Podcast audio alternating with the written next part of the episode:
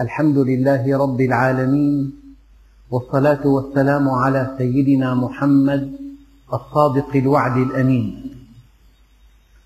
اللهم لا علم لنا إلا ما علمتنا إنك أنت العليم الحكيم. اللهم علمنا ما ينفعنا وانفعنا بما علمتنا وزدنا علما وأرنا الحق حقا وارزقنا اتباعه. وأرنا الباطل باطلا وارزقنا اجتنابه. واجعلنا ممن يستمعون القول فيتبعون أحسنه. وأدخلنا برحمتك في عبادك الصالحين. أيها الإخوة المؤمنون مع الدرس السادس والخمسين من دروس سورة البقرة ومع الآية الواحدة والسبعين بعد المئة وهي قوله تعالى ومثل الذين كفروا كمثل الذي ينعق بما لا يسمع إلا دعاء ونداء. صم بكم عمي فهم لا يعقلون. الله جل جلاله في كتابه الحكيم يضرب المثل وضرب المثل طريقة بيانية رائعة حقيقة مجردة توضح بمثل حسي. حقيقة غائبة تجسد بواقع. فالراعي أيها الإخوة الذي يرعى الغنم كيف يحركهم؟ يرفع صوتا له صوت. لا يتكلم صوت. ثم يتحرك أمامهم باتجاه معين فيتبعونه فهؤلاء الذين كفروا ما عقلوا ولا فهموا ولا أدركوا ولا بحثوا ولا حللوا ولا تأملوا. إنما قلدوا كيف أن الغنم حينما يسمعون صوت راعيهم صوت مبهم بلا معنى ما في حروف أبدا. حينما يسمعون صوت الراعي ينظرون إليه فيتحرك إلى جهة ما. هو ينبههم بصوته ويدعوهم بحركته فيتحركون والكافر هذا شأنه شأن البهيمة. يلفت نظره شيء فيتبعه. يعني قال عليه الصلاة والسلام لا يكن أحدكم إمعة قالوا ما الإمعة قال الذي يقول إن أحسن الناس أحسنت وإن أساءوا أسأت الخط العريض في المجتمع يتبع صرعات الموضة تقريبا يعني إذا الناس كشفوا عن عوراتهم تكشف نساؤه عن عوراتهم. إذا النساء إذا الرجال أكلوا الربا يأكلوا الربا. يعني أي شيء مستحدث دون أن يعرض على الشرع دون أن يعرض على منظومة القيم دون أن يسأل هل هذا موافق للدين أو غير موافق؟ هل هذا ينفعني في بيتي أو يؤذي أولادي في بيتي؟ ما دام شيء شاع إذا لا بد من أن نقلده. ومثل الذين كفروا يعني في حركتهم في الحياة حركة تقليدية حركة بهيمية حركة غير واعية حركة جامدة. ومثل الذين كفروا كمثل الذي كهذا الذي ينعق صوت الراعي ينبه غنمه. ينعق بمخلوقات لا تسمع إلا دعاء ونداء. تتحرك بنداء تنادى به ودعاء إلى جهة تتحرك بها. لذلك قال تعالى فاستخف قومه فأطاعوه. إنهم كانوا قوما فاسقين. يعني الإنسان غير المؤمن سهل فقوده سهل جدا. يعني هو المحرك له شهواته. كيف أن الثور تلوح له بقماش أحمر فيتحرك؟ كذلك الإنسان الشهواني حيثما دغدغت مشاعره أو دغدغت شهواته يتبعك. وهذا ما يفعله الغرب في العالم الإسلامي. يحارب قيم المسلمين يحارب مبادئهم عن طريق الشهوات. يحاربهم عن طريق المرأة. إن في ثيابها الفاضحة أو على برامج تبثها هذه المحطات التي تبث السم فيما تبث ومثل الذين كفروا. يعني في حركتهم في الحياة. قضية مبدأ قضية عقيدة قضية قيم قضية منهج إله قضية هذا يصح أو لا يصح يجوز أو لا يجوز ممكن أو غير ممكن هذه خارج اهتمامه. ما الذي استجد في الحياة؟ ماذا فعل الناس؟ ما الذي اشتروه من الأجهزة؟ كيف يقيمون حفلاتهم؟ كيف يحتفلون؟ كيف يتحركون؟ كيف يتاجرون؟ بأي طريق يكسبون الأموال؟ قضية حركة ليست مبدئية. حركة مصلحية. حركة شهوانية. حركة عابثة حركة تقليدية. ومثل الذين كفروا كمثل الذي ينعق يصدر صوتا ليلفت نظر الغنم أو البهائم. فإذا انتبهوا إليه تحرك إلى جهة فدعاهم بحركته إلى مكان ما. لا في وعي ولا في إدراك ولا في سؤال ولا في اعتراض ولا في جواب أبدا. حركة بهيمية. ومثل الذين كفروا كمثل الذي ينعق بما لا يسمع إلا دعاء ونداء صم بكم عمي فهم لا يعقلون. أذنه التي خلقها الله له من أجل أن يصغي إلى الحق. عطل هذه المهمة. فحينما لم يستمع إلى الحق بالتالي لم ينطق بالحق. في الأصل الأصم أبكم. لو أن إنسان فقد سمعه فقد نطقه.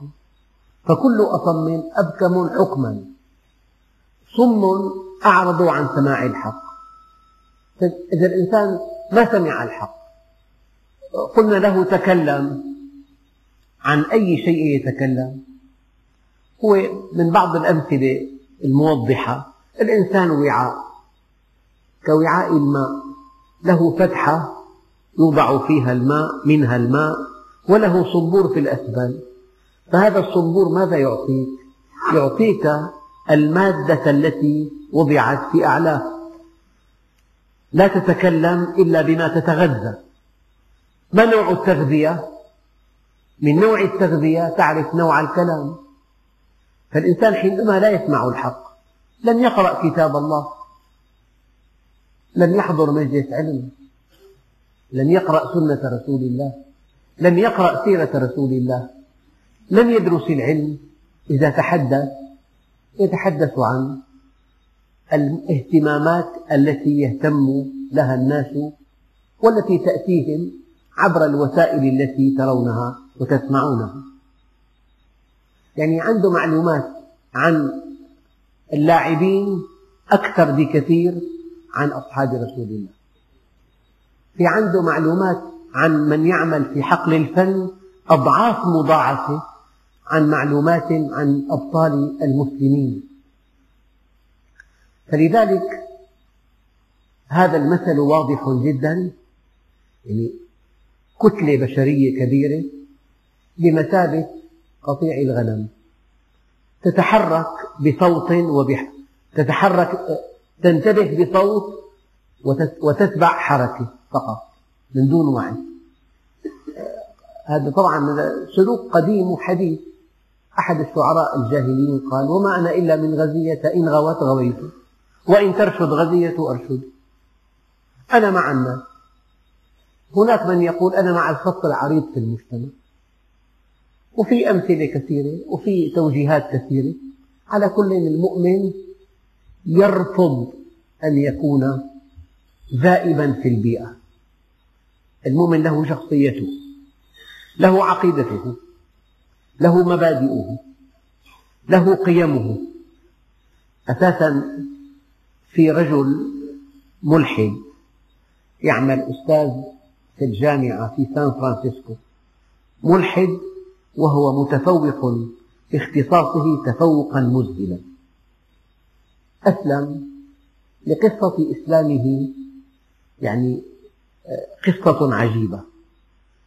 أن طالبة مسلمة دخلت إلى مكتبه في أيام الصيف الحارة ترتدي حجابا كاملا. طبعا تحمل دكتوراه في الرياضيات. فلما رأى هذا الحجاب المتعب في الصيف والنساء في أمريكا شبه عرايا قال هذه إنسانة عندها قناعات فلا بد أنها إنسانة مقدسة قال انتابني ثلاث مشاعر حينما رأيتها. انتابني شعور بقدسية هذه المرأة وبأنها ذات عقيدة وذات مبدأ.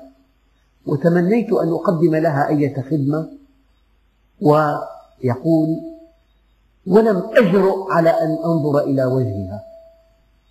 هذا الملحد. من توه عكف على قراءة كتب المسلمين إلى أن أعلن إسلامه.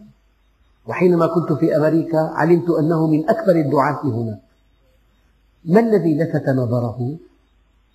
هذه الإنسان المحجب مرة يعني الشيء بالشيء يذكر كنت يعني مسافرا في رحلة العودة إلى دمشق في شارع العدوي في أيام الشتاء الماطرة والباردة رأيت رجل يجري في هذا الشارع.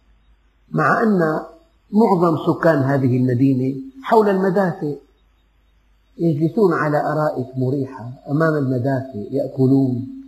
لولا أن في رأس هذا الإنسان قناعات بأن الرياضة مهمة جدا لما رأيته يجري في هذا الجو الماطر البارد ولا تجد أحدا معه.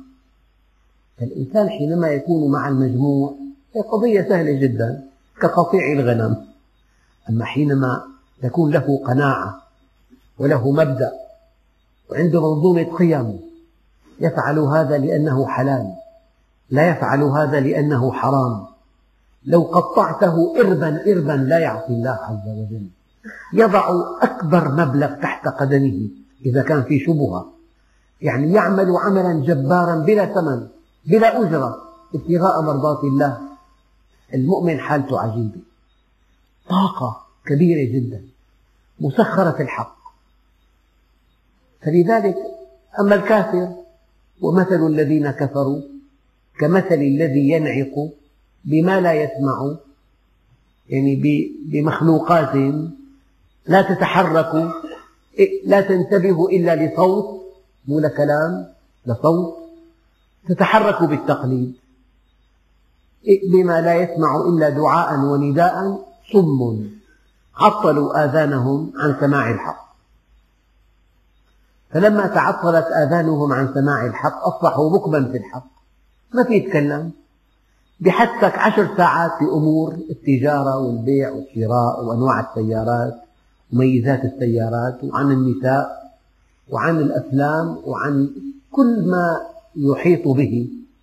أما إذا سألته عن قضية إيمانية فهو أفهم عن قضية في الدين فهو أفهم عن قضية في العقيدة فهو أبكم. يتكلم كلاما في الدين مضحكا مضحكا لجهله. إذا هو أصم عن سماع الحق فلما كان أصما أصبح أبكما. ولماذا كان أصما أبكما؟ لأنه بالأصل ما عقل شيئا. ما استخدم عقله في معرفة الله عز وجل.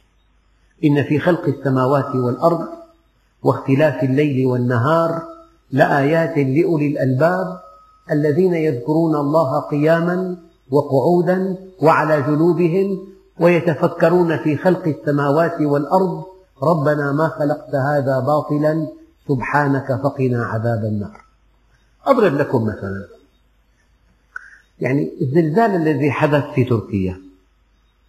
الدراسات كلها أنه في حركة في الطبقات الأرضية حركة اهتزازية مركزها في المكان الفلاني خطوط إشعاعها إلى المكان الفلاني آه، تواتر الهزة فرضا سبع درجات وأربعة بالعشرة.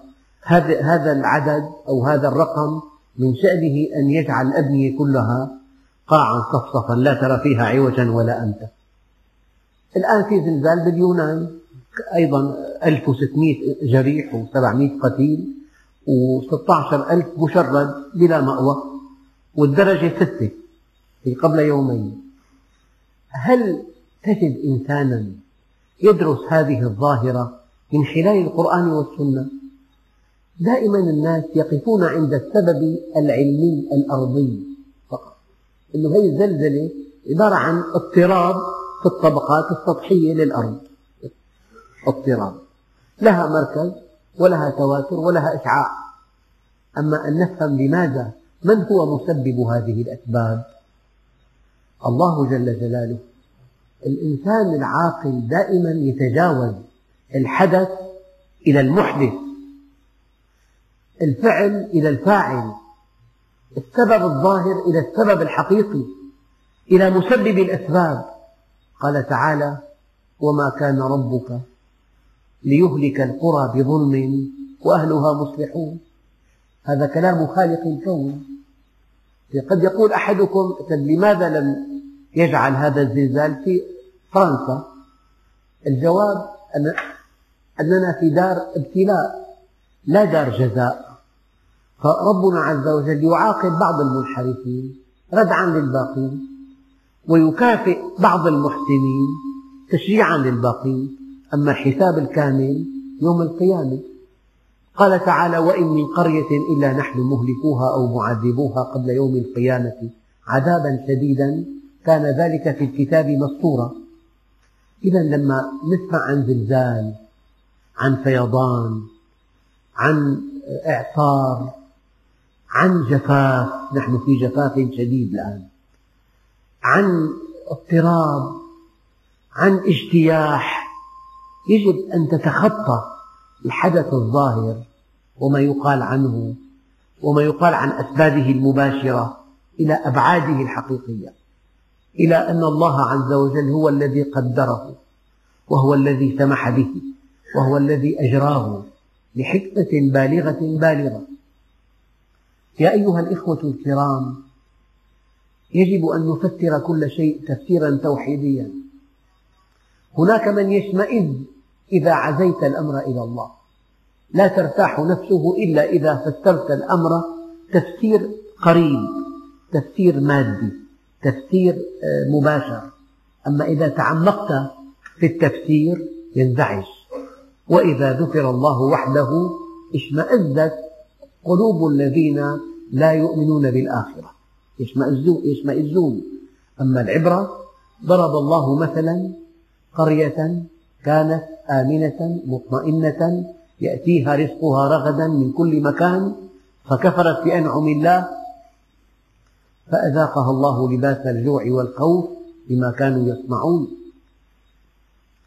قل هو القادر على أن يبعث عليكم عذابا من فوقكم أو من تحت أرجلكم أو يلبسكم شيعا ويذيق بعضكم بأس بعض.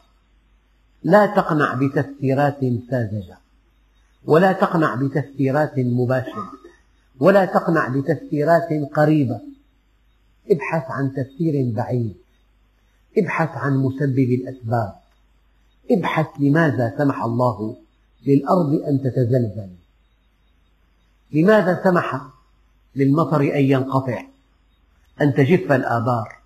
لماذا سمح لهذه الحشرة أن تأكل كل المحصول؟ لماذا سمح لهذه الرياح أن تدمر ولاية بأكملها وأن تكون الخسائر رقم فلكي لماذا؟ وما كان ربك ليهلك القرى بظلم وأهلها مصلحون؟ وما أصابكم من مصيبة فبما كسبت أيديكم ويعفو عن كثير. فبما كسبت أيديكم ويعفو عن كثير.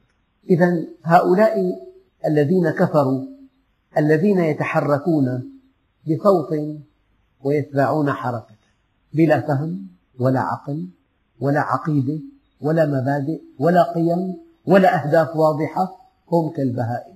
والله عز وجل يقول إنهم كالأنعام بل هم أضلوا سبيلا لأنهم مكلفون والأنعام غير مكلفة. مثل الذين حملوا التوراة ثم لم يحملوها كمثل الحمار يحمل أسفارا. يعني هناك أمثلة كثيرة. الله عز وجل شبه الكافرين بالأنعام شبههم بالحمير شبههم بالكلب. إن تحمل عليه يلهث وإن تتركه يلهث.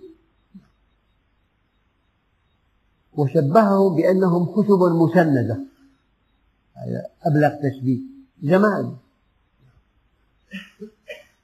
صم عطلوا آذانهم عن سماع الحق. وبالتالي أصبح لسانهم لا ينطق إلا بالباطل. بالأصل هم لا يعقلون ما استخدموا هذا العقل الذي أكرمه أكرم الله به الإنسان والذي جعله أداة معرفة الله ما استخدمه لمعرفة الله. استخدمه للإيقاع بين الناس. استخدمه لجمع المال الحرام. استخدمه للإفساد في الأرض. الإنسان في معه عقل العقل قوة كبيرة جدا بل إن العقل أعقد شيء آه، خلقه الله عز وجل. وأثمن هدية قد منح الله منحها الله للإنسان. يا أيها الذين آمنوا كلوا من طيبات ما رزقناكم واشكروا لله إن كنتم إياه تعبدون. يعني المؤمن يتبع تعليمات الصانع يأكل مما سمح الله له به. ولولا هذه المحرمات لما كان هناك جنات أساسا.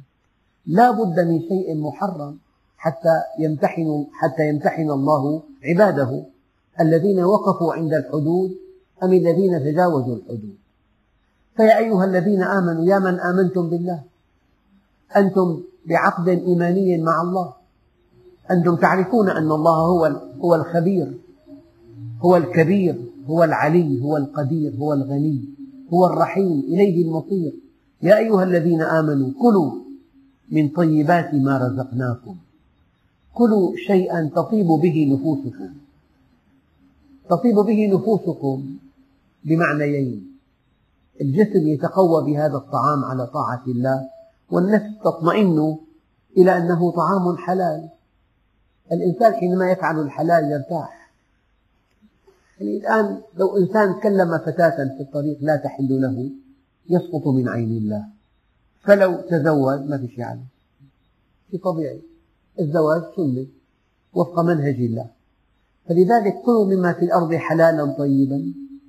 كلوا من طيبات ما رزقناكم واشكروا لله. هنا. الكافر مع النعمة والمؤمن مع المنعم. الكافر مع النعمة.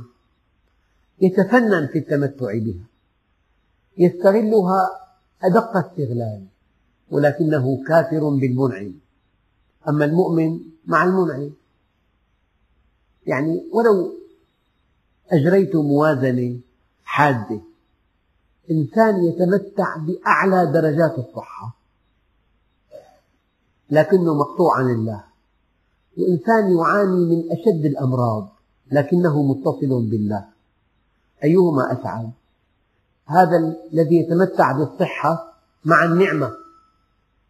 أما هذا الذي ابتلاه الله بهذا المرض فهو رقيق القلب متصل بالله منيب إليه مع المنعم. وشتان بين أن تكون مع مخلوق وبين أن تكون مع الخالق. الذي يتمتع بأعلى درجة من الغنى. وهو مقطوع عن الله. هذا مع النعمة مع المال. والذي يعاني من ضيق ذات اليد لكنه متصل بالله هذا مع المنعم. وفرق كبير بين أن تكون مع مخلوق محدود وبين أن تكون مع الخالق. يعني مثلا إنسان معه ألف ليرة وطفل صغير ليس معه ولا درهم بس ابن أكبر غني بالعالم. ولو طلب هذا الابن من أبيه ملايين مملينة لأعطاه إياها.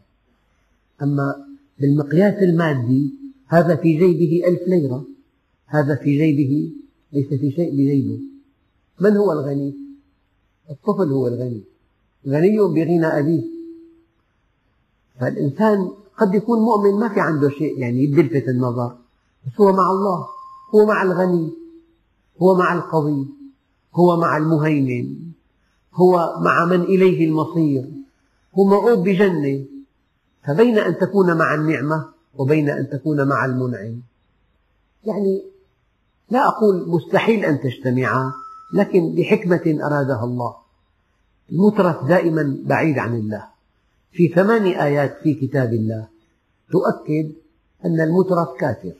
المترف لا الذي يأخذ هذه النعمة ويشكر الله عليها أما الذي يأخذها ليعلو بها على الناس ليتباهى بها ليكسر قلوب الآخرين زهوا وإعجابا وغطرسة. نقول هذا مع النعمة الفانية وذاك مع المنعم الباقي فكن مع المنعم وإن كانت بين يديك نعمة فهذا خير والله. لكن الشيء الدقيق والثابت أن تكون مع المنعم. يا أيها الذين آمنوا كلوا من طيبات ما رزقناكم واشكروا لله إن كنتم إياه تعبدون. إن كنت تعبده فاشكره. فإن لم تشكره فكأنك لا تعبده. من لوازم العبادة الشكر. لذلك تعريف العبادة غاية الخضوع مع غاية الحب. غاية الخضوع مع غاية الحب. إنما حرم عليكم الميتة والدم ولحم الخنزير وما أهل به لغير الله فمن اضطر غير باغ ولا عاد فلا إثم عليه. إن الله غفور رحيم. أيها الإخوة يعني الشيء الذي تعرفونه هو أن هذه الأنعام التي نأكل منها هذه في أجهزتها وفي أعضائها تشبه الإنسان فيها دم. والدم يعني سائل يحمل فضلات الاحتراق ويحمل الغذاء. فالدم الأحمر القاني الذي يأتي من الشريان الأبهر هذا يغذي كل الخلايا في الجسم. بالخلية تتم عملية احتراق ينشأ عنها الطاقة. هذه العملية لها فضلات. هي حمض اللبن. فضلات احتراق المواد السكرية ضمن الخلية لتشكيل طاقة تصب في الدم. فيكون دم الأوردة أزرقا دم الوريد أزرق. في خلاصة آه، مخلفات احتراق المواد السكرية ضمن الخلية. وفي فضلات أخرى. هذا الدم يصفى عبر عدة أجهزة. يصفى عبر الرئتين. فغاز الفحم الذي في الدم والذي هو من نواتج الاحتراق يطرح عن طريق التنفس عن طريق الزفير في الرئتين. نعم. والفضلات السائلة كحمض اللبن تطرح عن طريق الكليتين. وأجهزة التعرق أيضا تطرح عن طريق التعرق بعض الفضلات. فالدم يصفى عبر الرئتين وعبر الكليتين وعبر غدد التعرق التي هي منتشرة على سطح الجلد. لذلك الدم وهو يجري في الأوردة والشرايين طاهر وحينما يحرم يوصف بأنه أو دما مسفوحا. الدم حينما يسفح يكون محرما لأنه فيه جراثيم. الآن يعد الدم أكبر وسط لنمو الجراثيم بالدم. أكبر وسط بل إن مزارع الجراثيم في المخابر تستخدم الدم. فالدم في مجمع لفضلات الجسم في نواتج احتراق الجسم في عوامل المرض في الجسم. في الجراثيم كل شيء مؤذي في الدم. طبعا قبل أن يصفى. فالحيوان إما أن يموت إزهاقا نذبحه فيخرج الدم منه أو أن يموت حتف أنفه. إذا مات حتفا دمه فيه محرم أكله. إن الدم في كل فضلات الحيوان في كل عوامل المرض في كل الجراثيم في كل الأوصاف التي تنمو بها الجراثيم لذلك في بعض البلاد يصعقون الدابة ولا يذبحونها. طبعا قد يزيد وزنها 2 كيلو أو أكثر أو 5 كيلو كان دابة كبيرة. ولكن لحمها أزرق لا يمكن أن تقبل عليه آكلا. فربنا عز وجل حرم الميتة. طبعا آه، الآن في عندنا قضية لغوية. قال تعالى إنك ميت. الميت هو الذي سيموت. يخاطب الله النبي صلى الله عليه وسلم فيقول إنك ميت وإنهم ميتون. فالميت ليس الذي مات هو الذي سيموت. محكوم عليه بالموت ونحن كلنا ميتون. بمعنى لا بد من أن نموت. إنك ميت وإنهم ميتون. ما هو الذبح هنا؟ الذبح هي إخراج الدم كله من الحيوان ولحكمة أرادها الله. هذا القلب الذي ينبض وينقل الدم إلى كل أنحاء الجسم. بعد الذبح مهمته معاكسة مهمته إخراج الدم خارج الدابة هذا الدم القلب ينبض 80 نبضة لو أن الإنسان قطع رأس الدابة بالمناسبة القلب مضخة تتلقى تنبيها كهربائيا وهذه لحكمة بالغة من مركز كهربائي ذاتي. كيف إذا كان مستشفى؟ فيها عمليات جراحة قلب. مستحيل أن يكون كهرباؤها من الشبكة. مريض؟ مفتوح قلبه؟ الكهرباء انقطعت. معناه مات المريض. فلا بد من أن تكون كهرباء المستشفى مولد ذاتي. هذا بكل المستشفيات. كذلك القلب لأنه أخطر عضو مستحيل أن يتلقى تنبيهه من شبكة الكهرباء العامة في الجسم. لا بد له من مولد ذاتي يعطيه الإشارة. ففي بالقلب ثلاث مولدات. مولد كبير هذا الأساسي. لو تعطل يعمل الاحتياط. لو تعطل الاحتياط يعمل الاحتياط الثاني ثلاث مولدات. هذه المولدات أيام إنسان هذا المولد يضطرب يضع بطارية بقلبه في مولد ذاتي. إلا أن هذه المراكز الكهربائية الذاتية تعطي الضربات النظامية فقط 80 ضربة فقط. أما إذا الإنسان واجه عدو مخيف أو واجه وحش مفترس أو واجه أو صعد جبل لازم القلب يعمل جهد إضافي. فترتفع ضربات القلب ل 180 ضربة. بس لا عن طريق المركز الذاتي عن طريق أمر يأتي عن طريق الدماغ. النبي عليه الصلاة والسلام نهانا عن قطع رأس الدابة لا في عصره ولا في كل مراكز العلم في عصره ولا لبعد ولا بعد ألف وثلاثمائة عام في العالم كله جهة علمية بإمكانها أن تكتشف حكمة النبي من أمره بعدم قطع الرأس. أما الآن اكتشفت حينما لا تقطع رأس الدابة يبقى الأمر الاستثنائي موجود. فإذا ذبحت الدابة نبض قلب 180 نبضة. هذه المئة والثمانين كافية لإخراج الدم خارج الجسم. لا الغنم المذبوح على وفق الشريعة الإسلامية لونه وردي كالورد تماما. الدم خرج. إذا أيها الإخوة الذي قاله النبي عليه الصلاة والسلام قطعا ليس من عنده ولا من ثقافته ولا من اجتهاده إنما هو وحي يوحى. وحي يوحى. قضية إبقاء الرأس في الذبيحة موصولا بالجسم هي قضية لم يكتشف أحد حكمتها إلا الآن. ما دام في اتصال بين الرأس وبين الجسم معنى في أمر يأتي إلى القلب برفع نبضاته من 80 ل 180 عندئذ القلب يمكن أن يضخ كل دم الدابة إلى خارج الدابة. أي التزكية هذه التزكية التي أمر بها النبي عليه الصلاة والسلام.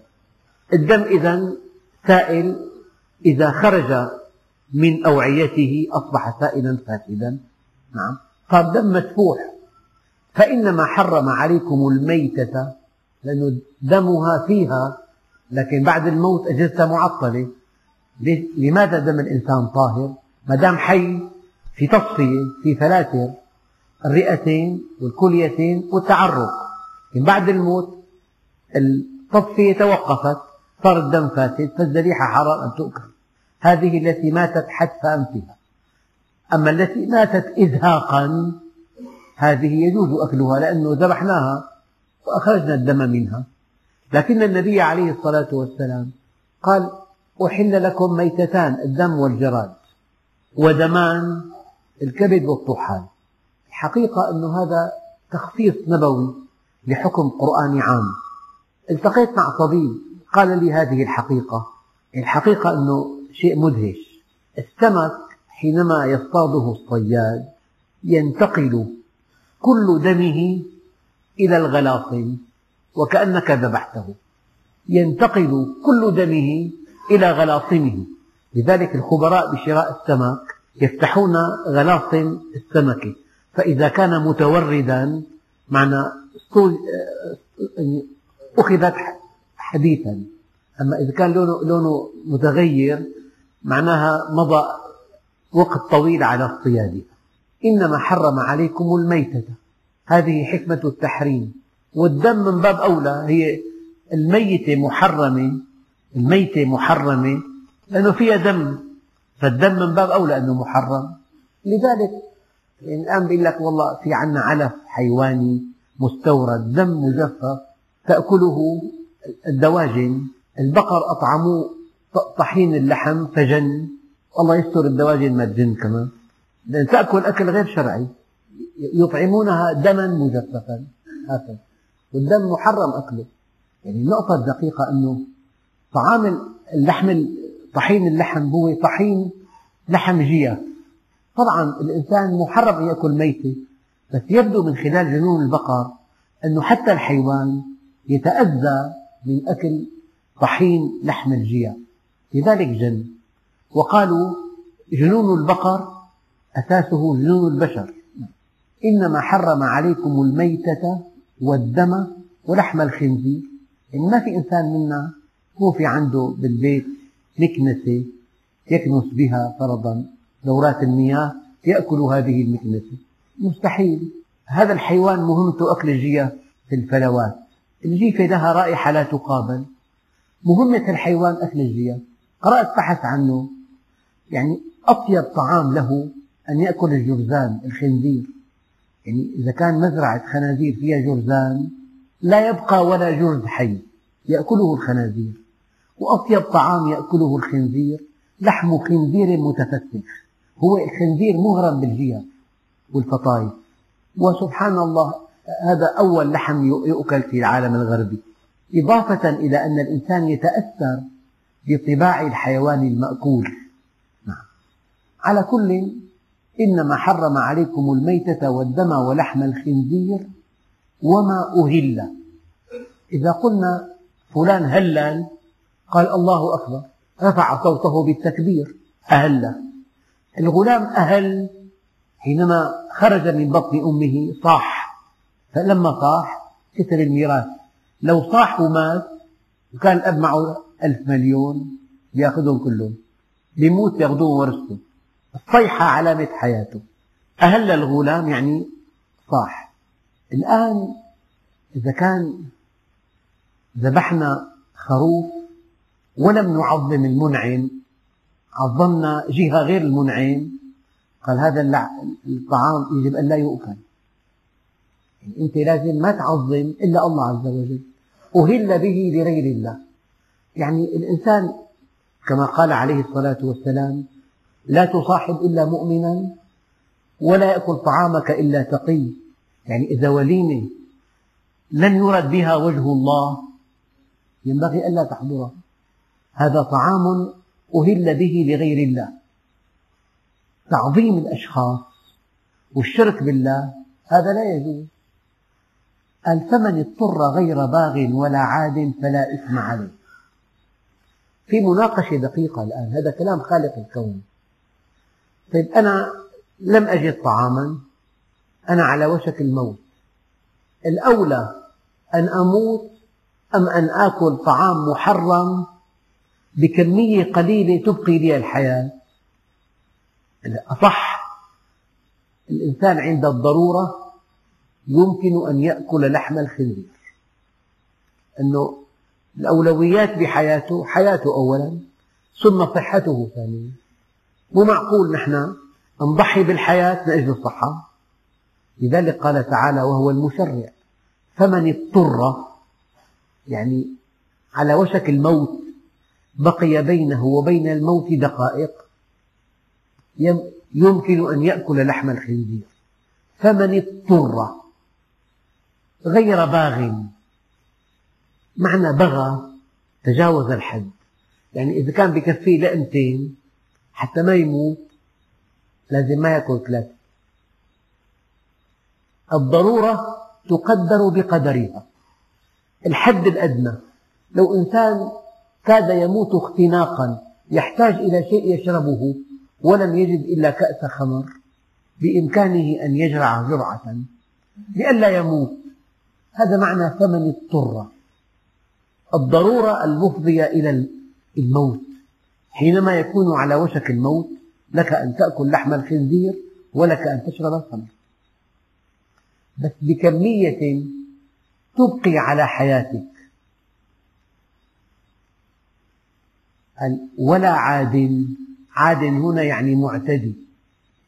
لو فرضنا في قطعة لحم أوضح من لحم في كأس ماء.